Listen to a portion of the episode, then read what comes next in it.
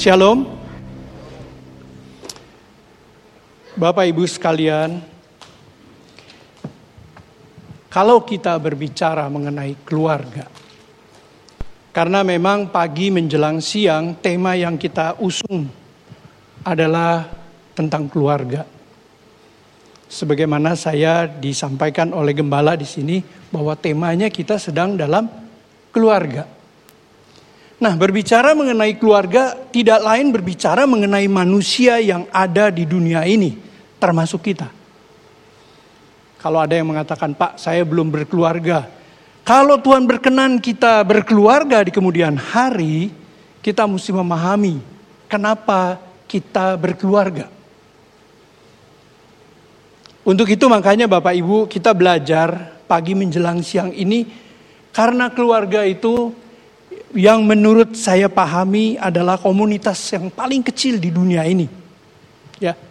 Gereja atau keluarga, kemudian lingkungan, kemudian kelurahan dan sebagainya, gereja dan termasuk di dalamnya sehingga menjadi komunitas dunia.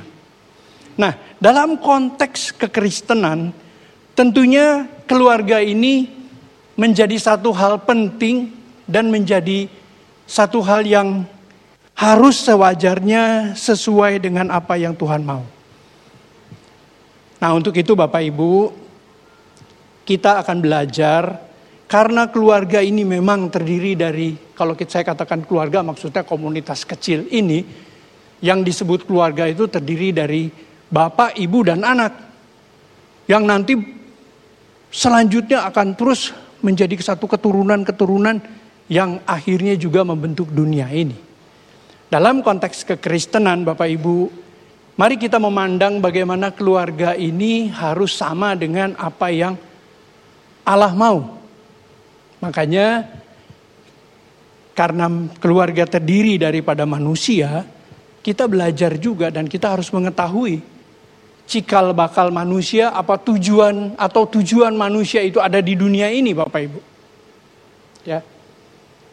Kalau kita baca di Alkitab kitab kejadian satu itu menjelaskan sebetulnya manusia ada di dunia ini apa yang menjadi tujuannya dan apa yang menjadi rencana Allah manusia ini ada yang pada gilirannya menjadi satu keluarga. Mari kalau Bapak Ibu punya gadgetnya di save atau di up, uh, di download dengan Alkitab, kita buka Kejadian 1 ayat 26 sampai 28. Kita bisa lihat di situ jelas Alkitab mencatat asal muasal dari manusia.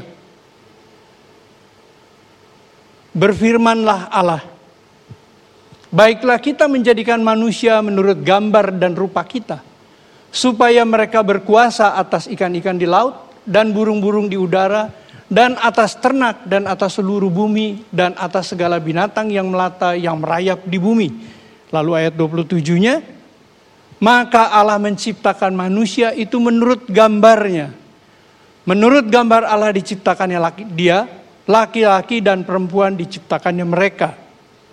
Ayat 28, Allah memberkati mereka, lalu Allah berfirman kepada mereka, beranak cuculah dan bertambah banyak. Penuhilah bumi dan taklukkanlah itu. Berkuasalah atas ikan-ikan di laut, dan burung-burung di udara dan atas segala binatang yang merayap di bumi.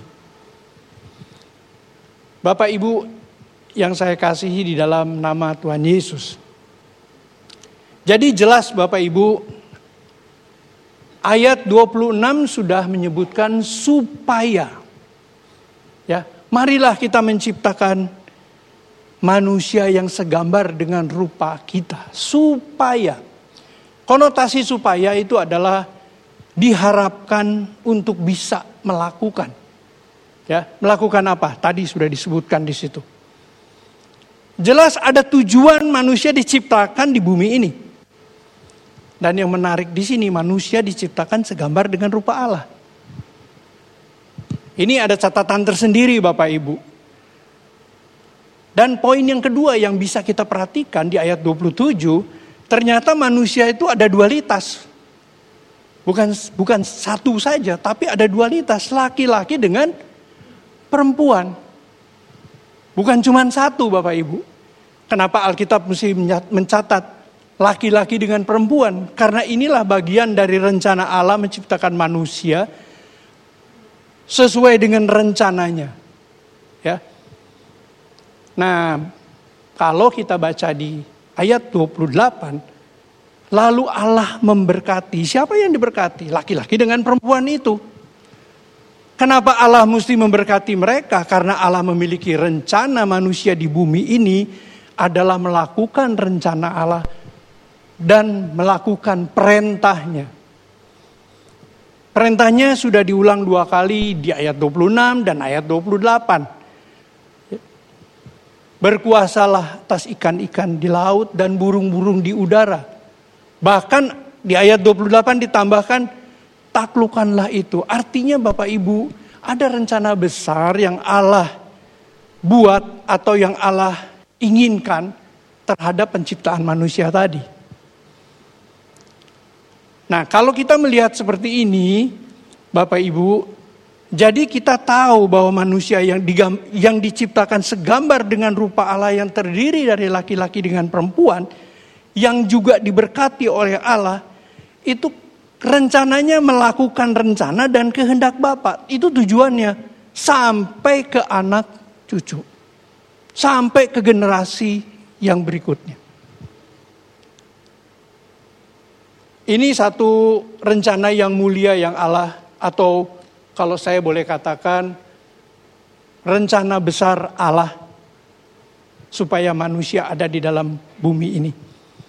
Kalau toh dikatakan Pak itu terjadi di perjanjian lama Pak, kita hidup di dalam perjanjian baru. Ada beberapa ayat di perjanjian baru yang diulang penegasannya. Walaupun dalam kasus perceraian, misalnya di Matius 19. Itu dikatakan demikian. Tidakkah kamu tahu bahwa Allah menciptakan laki-laki dan perempuan dan seterusnya. Jadi Bapak Ibu, kita perlu lihat esensi manusia hidup di dalam dunia ini dulu. Sebelum kita berbicara mengenai keluarga. Jadi nanti kita paham kenapa Allah memang membentuk laki-laki dengan perempuan menjadi satu keluarga. Karena rencana besar Allah inilah. Makanya dijelaskan di Alkitab bahwa laki-laki itu harus dipersatukan dengan wanita atau perempuan yang Allah ciptakan sendiri. Jelas ayat ini tercatat di dalam Alkitab. Atau maksud saya perintah maksud Allah ini ada ditulis di dalam Alkitab. Karena di dalam kejadian 2 ayat 18-nya itu dipertegas sama Allah. Kejadian 2 ayat 18 di sini dikatakan ayatnya ini menunjukkan bahwa memang Allah memiliki rencana yang besar sebagaimana tadi yang saya sudah sampaikan. Kejadian 2 ayat 18 pada intinya mengatakan begini Bapak Ibu. Tidak baik manusia itu sendiri. Berarti ada satu rencana Allah bahwa laki-laki dan wanita yang diciptakannya harus di persatukan. Ya. Di sini jelas dikatakan Tuhan Allah berfirman, tidak baik kalau manusia itu seorang diri saja. Aku akan menjadikan penolong baginya yang sepadan dengan dia. Ayat-ayat berikutnya pembuktian Allah memberikan penolong yang sepadan. Tujuannya tidak lain adalah bahwa Allah ingin melaksanakan rencananya dan dilaksanakan oleh manusia. Nah, dengan ayat-ayat seperti ini, kita memiliki pemahaman kalau kita bicara tentang tema keluarga, inilah yang kita maksud atau inilah yang dimaksud dengan keluarga itu. Penyatuan dari dualitas manusia yang diciptakan oleh Allah. Karena Allah memiliki rencana yang besar dengan penciptaan manusia tadi. Bapak Ibu, kita di GSKI ya dulu Rehobot, sekarang masih juga digunakan dengan Rehobot.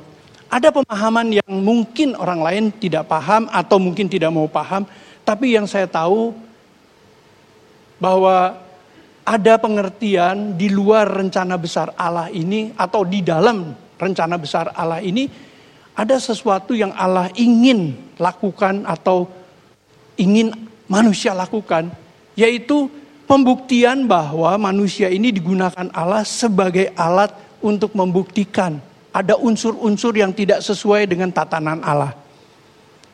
Ya, kita mungkin familiar dengan katakan dengan perkataan corpus delicti.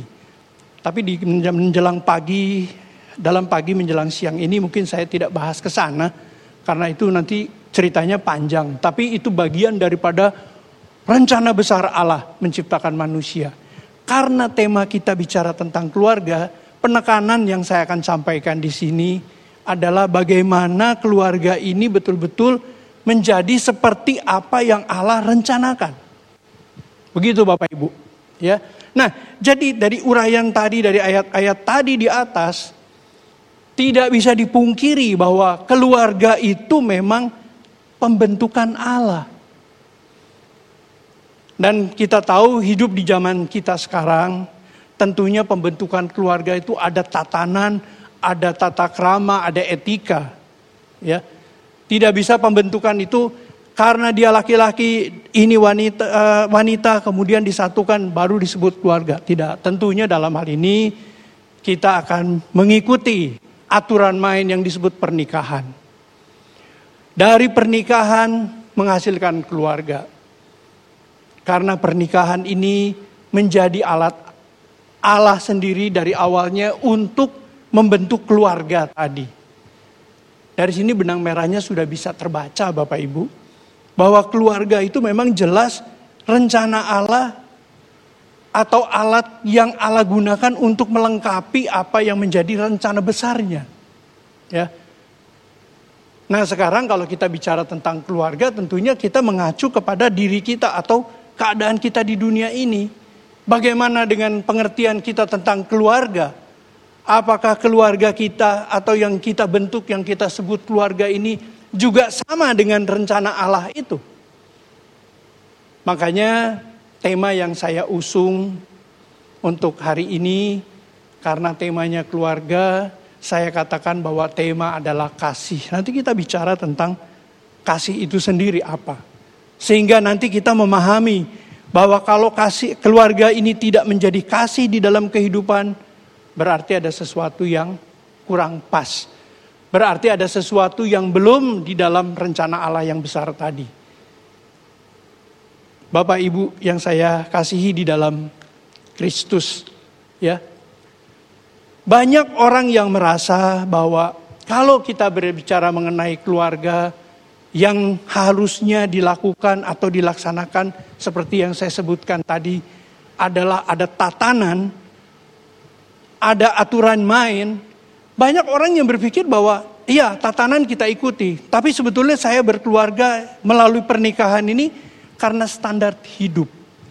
Ya, standar hidup yang dimaksud itu adalah karena manusia berpikir saya laki-laki, dia wanita, di dalam kehidupan saya, akhirnya saya memiliki satu rasa suka dan dia juga suka.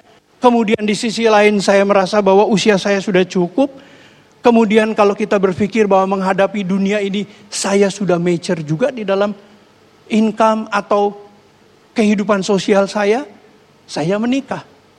Padahal kalau kita tadi bahas dari awal pemahaman tentang keluarga yang dibentuk dalam pernikahan itu menjadi rencana Allah yang besar, sebelum kita menikah mestinya kita paham dulu. Kalau nanti kita berkeluarga tidak sesuai dengan rencana Allah, pasti ada masalah di dalam keluarga itu. Kenapa? Karena memang keluarga melalui pernikahan yang kita alami di dalam dunia kita sekarang itu seharusnya seizin dan selaras dengan rencana Allah itu sendiri. Ini yang banyak orang tidak pahami ya. Kenapa? Bukan mereka tidak tahu. Kadang-kadang juga terkontaminasi dengan standar hidup di dunia ini. Waktu dia umur 30, dia belum berpikir mau menikah.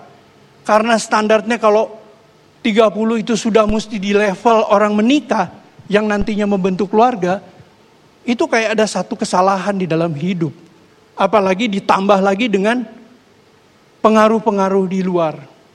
Ya, bayangkan kalau misalnya dia seorang wanita, standar mengatakan wanita tuh sudah 25 tahun sudah harus menikah. Di zaman dulu sebelum modern ini berlaku, mungkin umur 12 sampai 15 tahun sudah dinikahkan. Bahkan sudah menikah. Karena pemahamannya kurang, ya.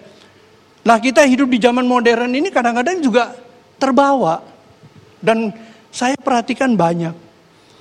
Saya tidak tahu ya Bapak Ibu, kebetulan saya punya tugas di sastra geraha itu sebagai aktivis yang menangani atau yang disebut tim pengembalaan wilayah TPW. Kalau di dalam kedokteran ada spesialisasi gitu ya. Nah sebagai TPW ini saya lebih sering dipercayakan untuk memberikan bimbingan pranikah. Jadi setiap kali bimbingan selalu saya tanya, kenapa kamu menikah? Oh udah cocok pak, udah cocok om. Oh usia saya udah 30 om. Orang orang tua saya udah tanya-tanya kapan nih pengen gendong cucu. Bapak ibu yang saya kasih dalam nama Tuhan. Saya tidak terlalu menyalahkan hal itu. Tapi perlu kita pahami bahwa pembentukan keluarga yang menurut rencana Allah harusnya seiring dengan apa yang mau, yang Allah mau, karena Allah memiliki rencana juga. Jadi kalau saya balik ke dalam bicara mengenai keluarga yang dihasilkan atau yang dibentuk dalam pernikahan, harusnya kita juga memberikan satu nilai di dalam pernikahan itu sesuai dengan yang Allah mau. Artinya keluarga pun kita bentuk itu mesti standar yang Tuhan mau juga. Bukan yang karena kita mau kita sudah merasa didesak sama orang tua, malu ketemu teman dibilang belum laku dan sebagainya. Bukan Bapak Ibu.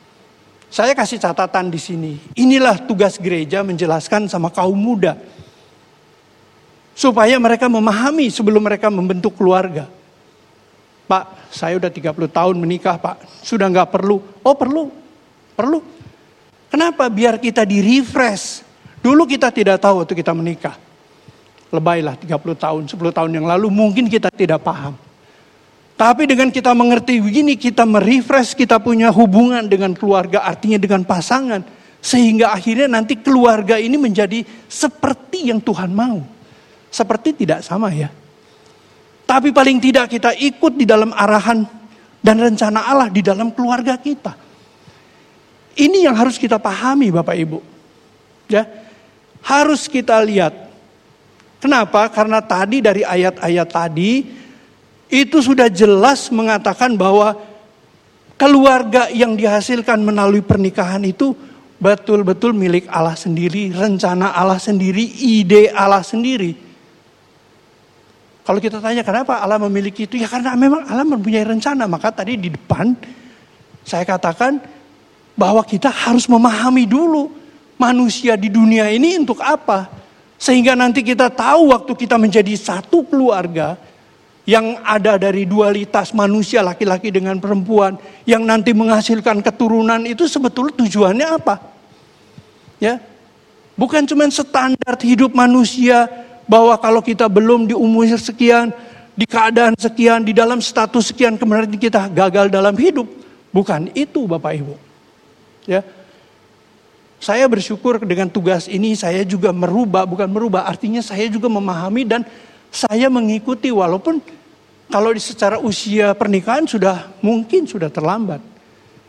Tapi dengan keadaan atau kehidupan yang masih punya, masih Tuhan beri kesempatan di dalam dunia ini, saya memahami kemudian saya mencoba ya menghayati bahwa oh iya ternyata keluarga seperti ini.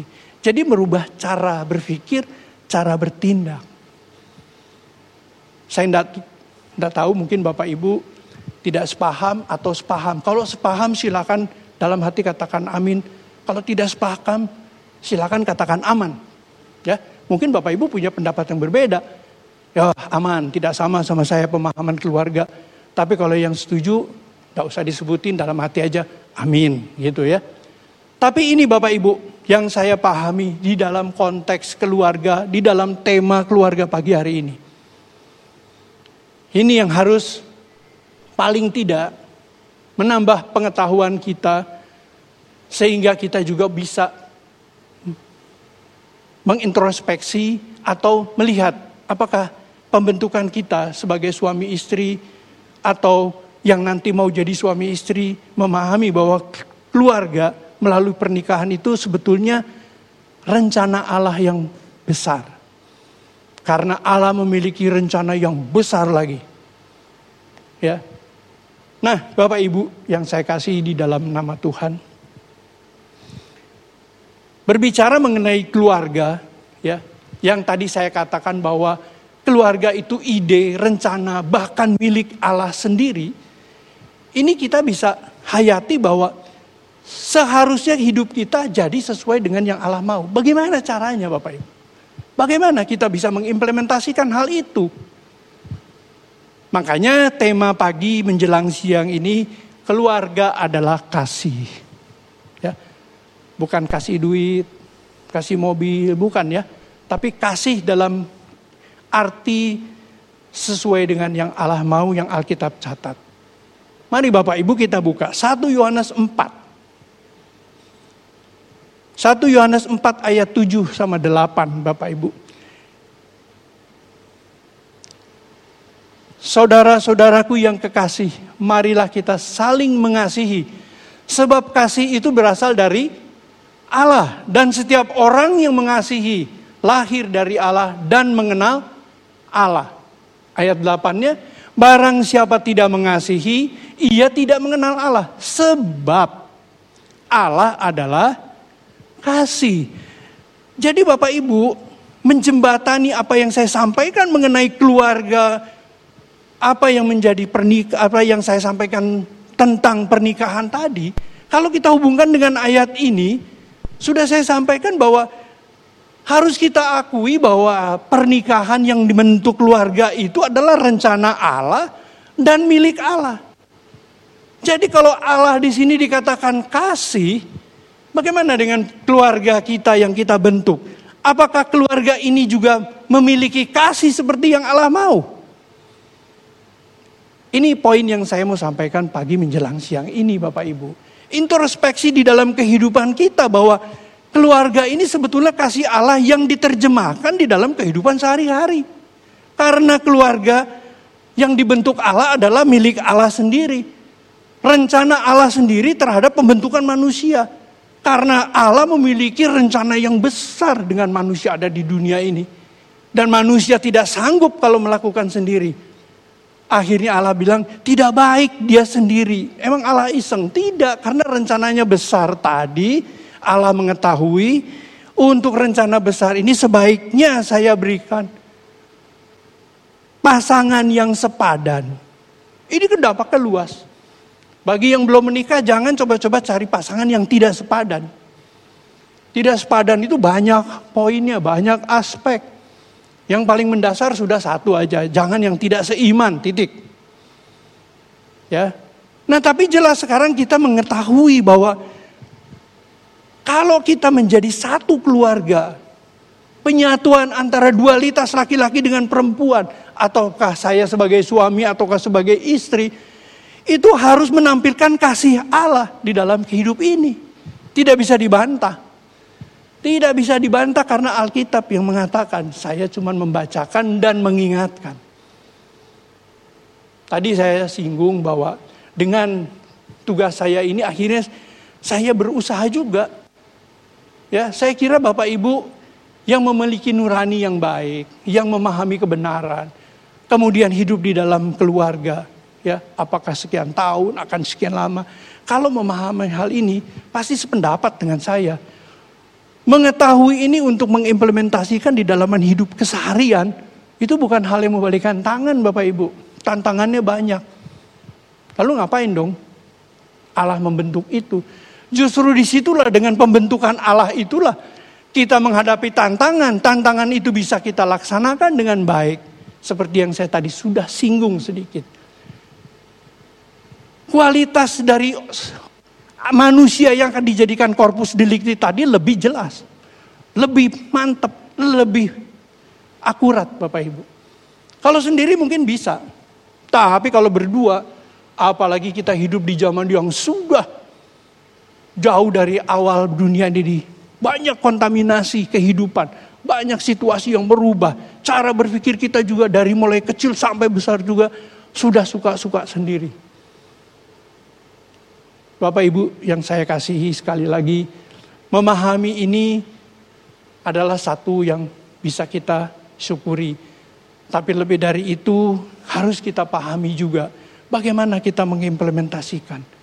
Kalau tidak Bapak Ibu sia-sia kita sudah 10 tahun berkeluarga kalau tidak ada kasih atau keluarga tidak menjadi kasih di dalam atau di mata Allah itu. Jadi orang baik ya bisa saja. Orang baik di luar sana juga banyak. Orang Kristen mengajarkan bukan sekedar baik, tapi sempurna. Ya, sempurna. Sempurna di mata Tuhan bukan di mata kita. Mungkin di mata kita salah, tapi kalau sempurna di mata Tuhan bisa saja menurut Tuhan sempurna. Ya. Nah, sekarang bagaimana kita mengimplementasikan kasih yang rupanya adalah Allah sendiri. Alkitab juga menuntun kita, memberi kesempatan kita untuk belajar bagaimana mengimplementasikan kasih itu sendiri. Sebab Alkitab mencatat apa itu kasih. Ya, Bapak Ibu bisa lihat, mari kita buka di 1 Korintus 13. Gadget Bapak boleh dipencet. 1 Korintus 13 ayat 4 sampai 8 Bapak Ibu. Dikatakan di sini, di, bukan dikatakan, ditulis di Alkitab. 1 Korintus 13 ayat 4. Kasih itu sabar, kasih itu murah hati. Ia tidak cemburu, ia tidak menggagahkan diri, dan tidak sombong. Bapak Ibu bicara tentang ini kalau kita refleks ke dalam diri kita, kadang-kadang kita bingung, apa ya?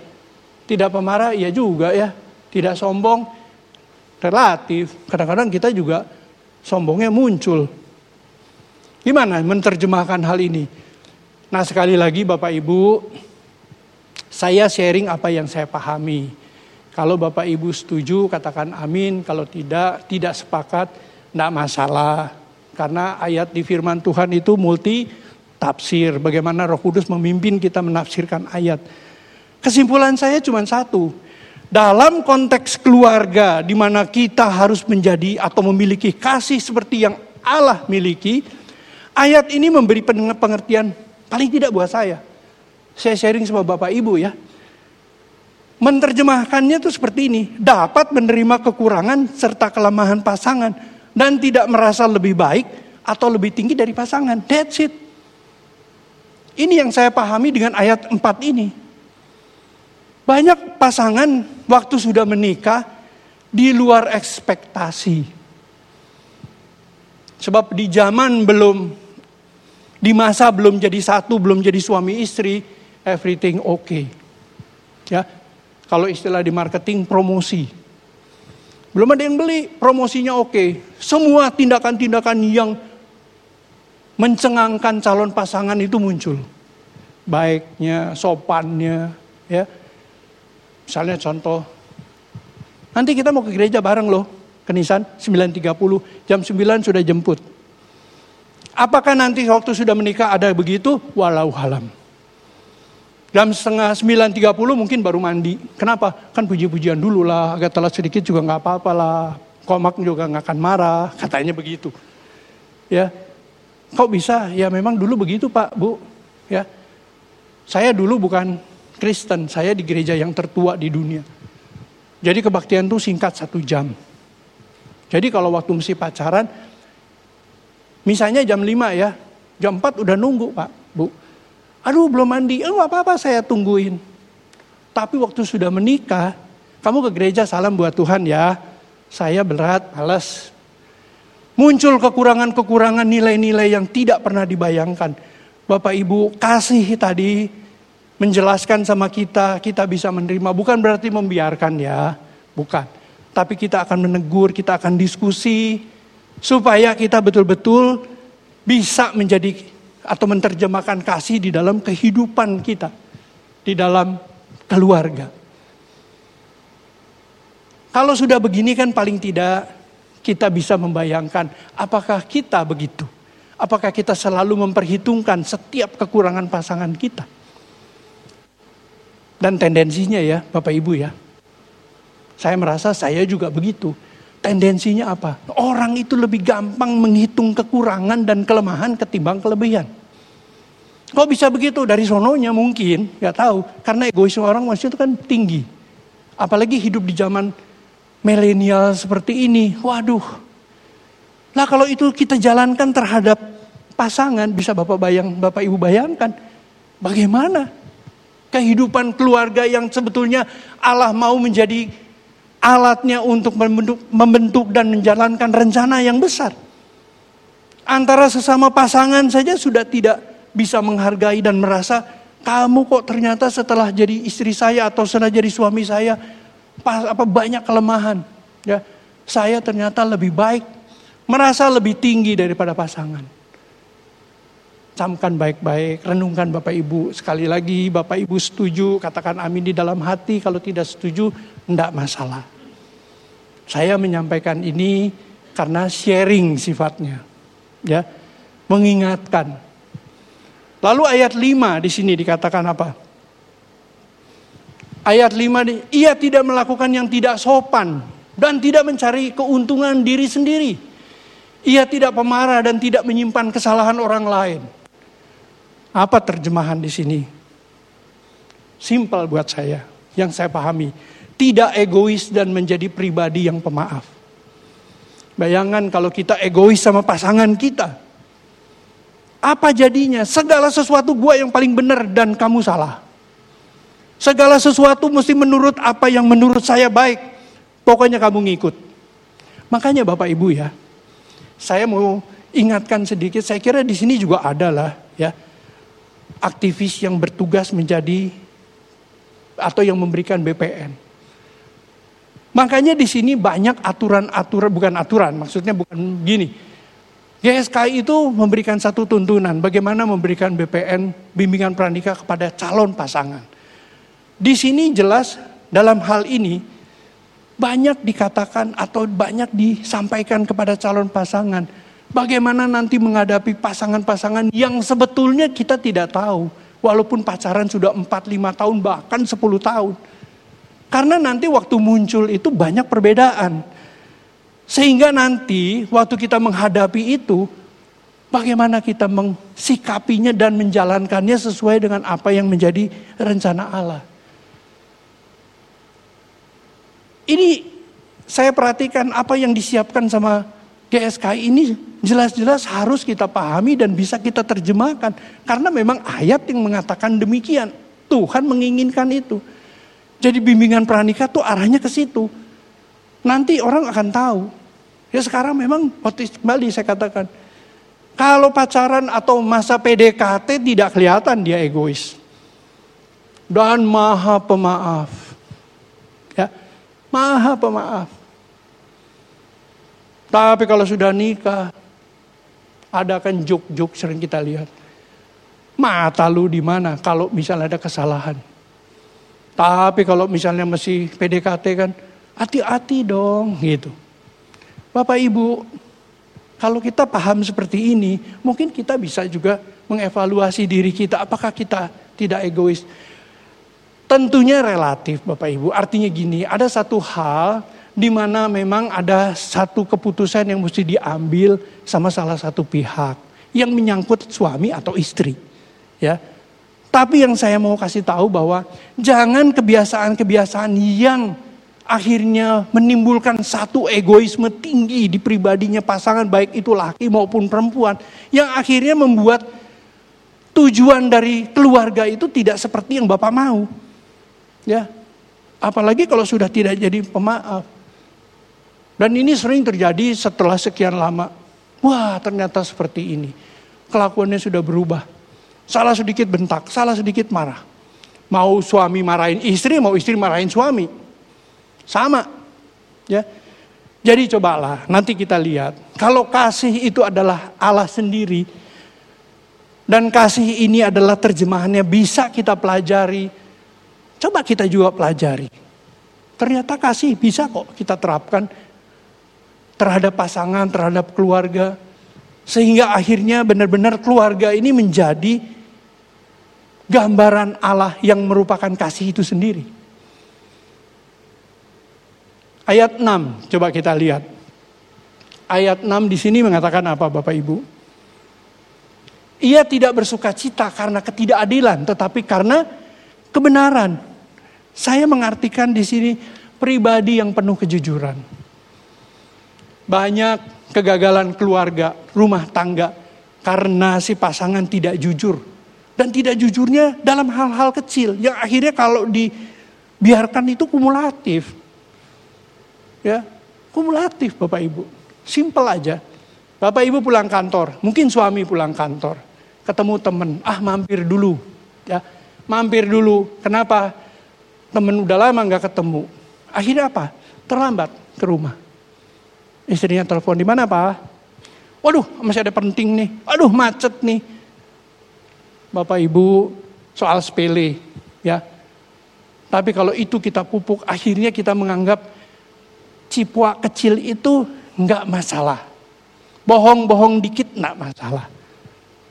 Padahal itu sudah menanam bahwa kita ini betul-betul orang yang sudah menanam ketidakjujuran di dalam diri kita. Kita tidak paham Bapak Ibu, tidak paham karena dianggapnya biasa. Ya. Dianggapnya sesuatu yang lumrah. Perlunya Bapak Ibu kejujuran ditanamkan dalam diri masing-masing pasangan. Dari hal-hal kecil sampai nanti betul-betul membentuk satu kasih rupa Allah itu sendiri. Ayat 7 Bapak Ibu. Ia menutupi segala sesuatu, percaya segala sesuatu, mengharapkan segala sesuatu, sabar menanggung segala sesuatu. Saya cuma mau membuat satu kesimpulan dari ayat ini. Kesetiaan Ya, kesetiaan pasangan dituntut untuk kita menjadi pasangan yang memiliki kasih Allah. Kesetiaan dalam bentuk apa pun, ya.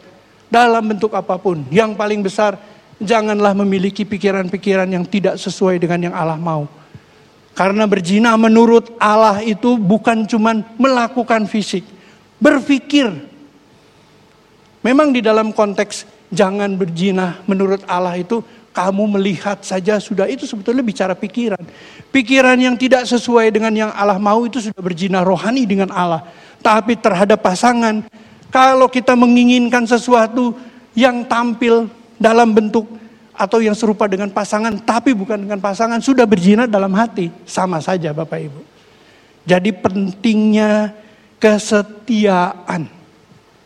Ya, dari pikiran dari pikiran. Ini hal-hal yang kalau saya katakan, ya memang tidak semua mungkin sependapat. Kalau saya bilang dengan terjemahan begini, sebetulnya langkah kita mau ke mana sih di dalam keluarga yang akhirnya membentuk kasih Allah. Saya kira bukan hal yang tidak bisa dikerjakan. Masalahnya bukan bisa apa tidak bisa. Mau apa tidak mau. Itu persoalannya Bapak Ibu. Jadi kalau keluarga adalah kasih, terjemahannya yang saya mau sampaikan seperti ini Bapak Ibu. Walaupun ya tentunya saya juga berjuang untuk itu. Dan di ayat 8 ditutup dengan seluruh sifat ini haruslah abadi. Ya. Kasih tidak akan selesai, nubuat boleh hilang. Ya. Tapi kasih sampai selamanya. Jadi sifat-sifat dari kasih ini betul-betul harus abadi hidup di dalam kehidupan kita sampai maut memisahkan. Amin Bapak Ibu. Maksa ya. Ya sekarang ini saya maksa karena kesimpulannya begitu. Jadi kita harus tahu kasih yang Allah mau di dalam keluarga itu bisa diterapkan Bapak Ibu. Dan ada gambarannya jelas dalam kehidupan sehari-hari kita Bapak Ibu. Sekali lagi saya katakan agak sulit atau tidak mudah lah. Kalau sulit itu lebay. Ya, artinya gini, kalau sulit itu kan kayaknya mentok tembok gitu. Gak, sulit, susah. Saya lebih suka memakai kata tidak mudah. Kalau tidak mudah, kalau kita usahakan masih bisa. Itu konotasinya. Ya, yang saya pahami, saya bukan guru bahasa Indonesia sih. Ya, tapi itu tidak mudah, tapi bisa. Makanya arah memberikan arah atau Alkitab memberikan kita arahan ya 2 Petrus 3 ayat 18. Di situ dikatakan apa? Tetapi bertumbuhlah dalam kasih karunia dan dalam pengenalan. Bapak Ibu setiap hari kita mesti bisa mengenal Allah dengan baik di dalam hidup pribadi kita. Kenal di sini gnosis, itu dari kata ginosko. Artinya kita harus setiap hari mengalami kehidupan bersama Tuhan.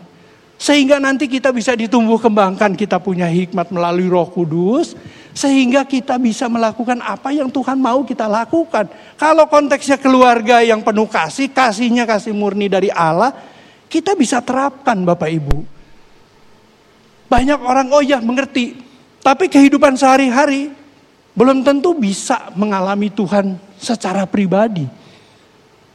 Ya, Salah satu yang saya boleh bagikan dan saya kira Bapak Ibu sudah tahu, ikutlah doa pagi. Karena itu juga menambah kita salah satu alat kita untuk lebih hari lebih dekat sama Allah. Ya, kalau ada kesibukan ya itu urusan lain. Tapi kalau kita mau pribadi kita setiap hari duduk diam paling tidak kita menerima hikmat dari Tuhan sehingga kita mengenal mengalami Tuhan setiap hari.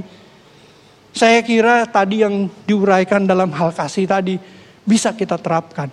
Karena bukan tidak bisanya, tapi tidak maunya. Makanya kalau kita mau pasti bisa. Dan satu hal lagi yang paling penting dalam hal ini, Bapak Ibu, beberapa waktu yang lalu kita memperingati kenaikan Tuhan Yesus. Ini ada hubungannya Bapak Ibu. Alkitab mencatat sebelum naik ke surga yang kita peringati 10 hari yang lalu kalau tidak salah ya. Tuhan Yesus mengatakan apa? Kita buka di Yohanes 16 di Yohanes 16 ayat 7 ya. Namun benar yang kukatakan ini kepadamu adalah lebih berguna bagi kamu jika aku pergi. Sebab jikalau aku tidak pergi, penghibur itu tidak datang kepadamu. Tetapi jika aku pergi, aku akan mengutus dia kepadamu. Lalu ayat 8-nya, dan kalau ia datang, ia akan menginsafkan dunia akan dosa, kebenaran, dan penghakiman. Ayat 9-nya, akan dosa karena mereka tetap tidak percaya kepadaku. Bapak Ibu sekalian, Roh Kudus yang kita gumuli dengan kedekatan kita mengalami Tuhan. Tuhannya dalam bentuk fisik sudah tidak terlihat, tidak ada di dunia ini, tapi representasinya melalui Roh Kudus. Kalau kita gumuli setiap hari, dia akan menuntun kita. Roh Kudus yang Tuhan curahkan sebelum naik ke surga itu bisa kita raih Bapak Ibu. Janji Allah sendiri kok. Sebelum naik dicurahkan roh kudus kita baru peringati. Nah dengan kita selalu bergumul bersama Tuhan di dalam kehidupan kita. Kita mengalami Tuhan secara pribadi. Berarti roh kudus sudah ada menguasai dan mengendalikan hidup kita. Pasti kita memiliki hikmat. Ayat 8 dikatakan akan menuntun hal-hal yang benar. Melakukan hal yang benar. Yang menarik di sini saya buka, ya kamus Bapak Ibu bisa buka. Benar di situ dikatakan di kayu suni. Pemahamannya adalah benar dalam melakukan. Ya, jadi Roh Kudus itu akan menuntun kita melakukan hal-hal yang benar. Tapi di ayat 13-nya, masih Yohanes 16, Roh Kudus juga akan menuntun kita ke dalam kebenaran ditulisnya Alitea. Artinya Roh Kudus juga akan memberikan kita kebenaran-kebenaran di dalam pemahaman kita. Jadi roh kudus komplit Bapak Ibu. Waktu Tuhan Yesus naik kita dicurahkan roh kudus. Menjadi alat kita untuk melengkapi keluarga yang menjadi kasihnya Allah itu sendiri. Karena roh kudus yang mengajarkan sama kita bagaimana bertindaknya, bagaimana berpikirnya. Nah rasanya kalau sudah seperti ini tidak ada lagi kata yang dikatakan tidak bisa. Makanya tadi saya berani katakan masalahnya bukan bisa apa tidak bisa.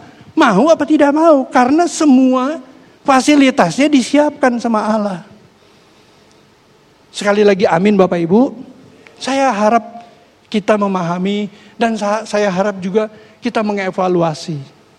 Buat yang muda-muda kalau nanti mau berkeluarga, jadilah keluarga yang betul-betul sejalan dengan apa yang menjadi rencana Allah. Dampaknya apa? Jangan jadi pasangan yang tidak sesuai dengan yang Allah mau. Itu. Nah inilah tugas gereja. Inilah tugas orang tua. Dan orang tua harus menjadi teladan untuk kasih di dalam keluarga. Sehingga bisa mengimpartasi kepada anak-anak yang nanti akan membentuk keluarga.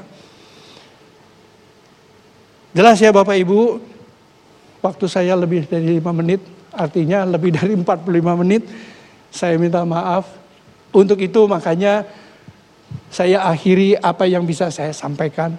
Dan saya berharap ini memberkati kita semua di dalam kita melengkapi hidup kita sebagai keluarga yang betul-betul representasi kasih Allah.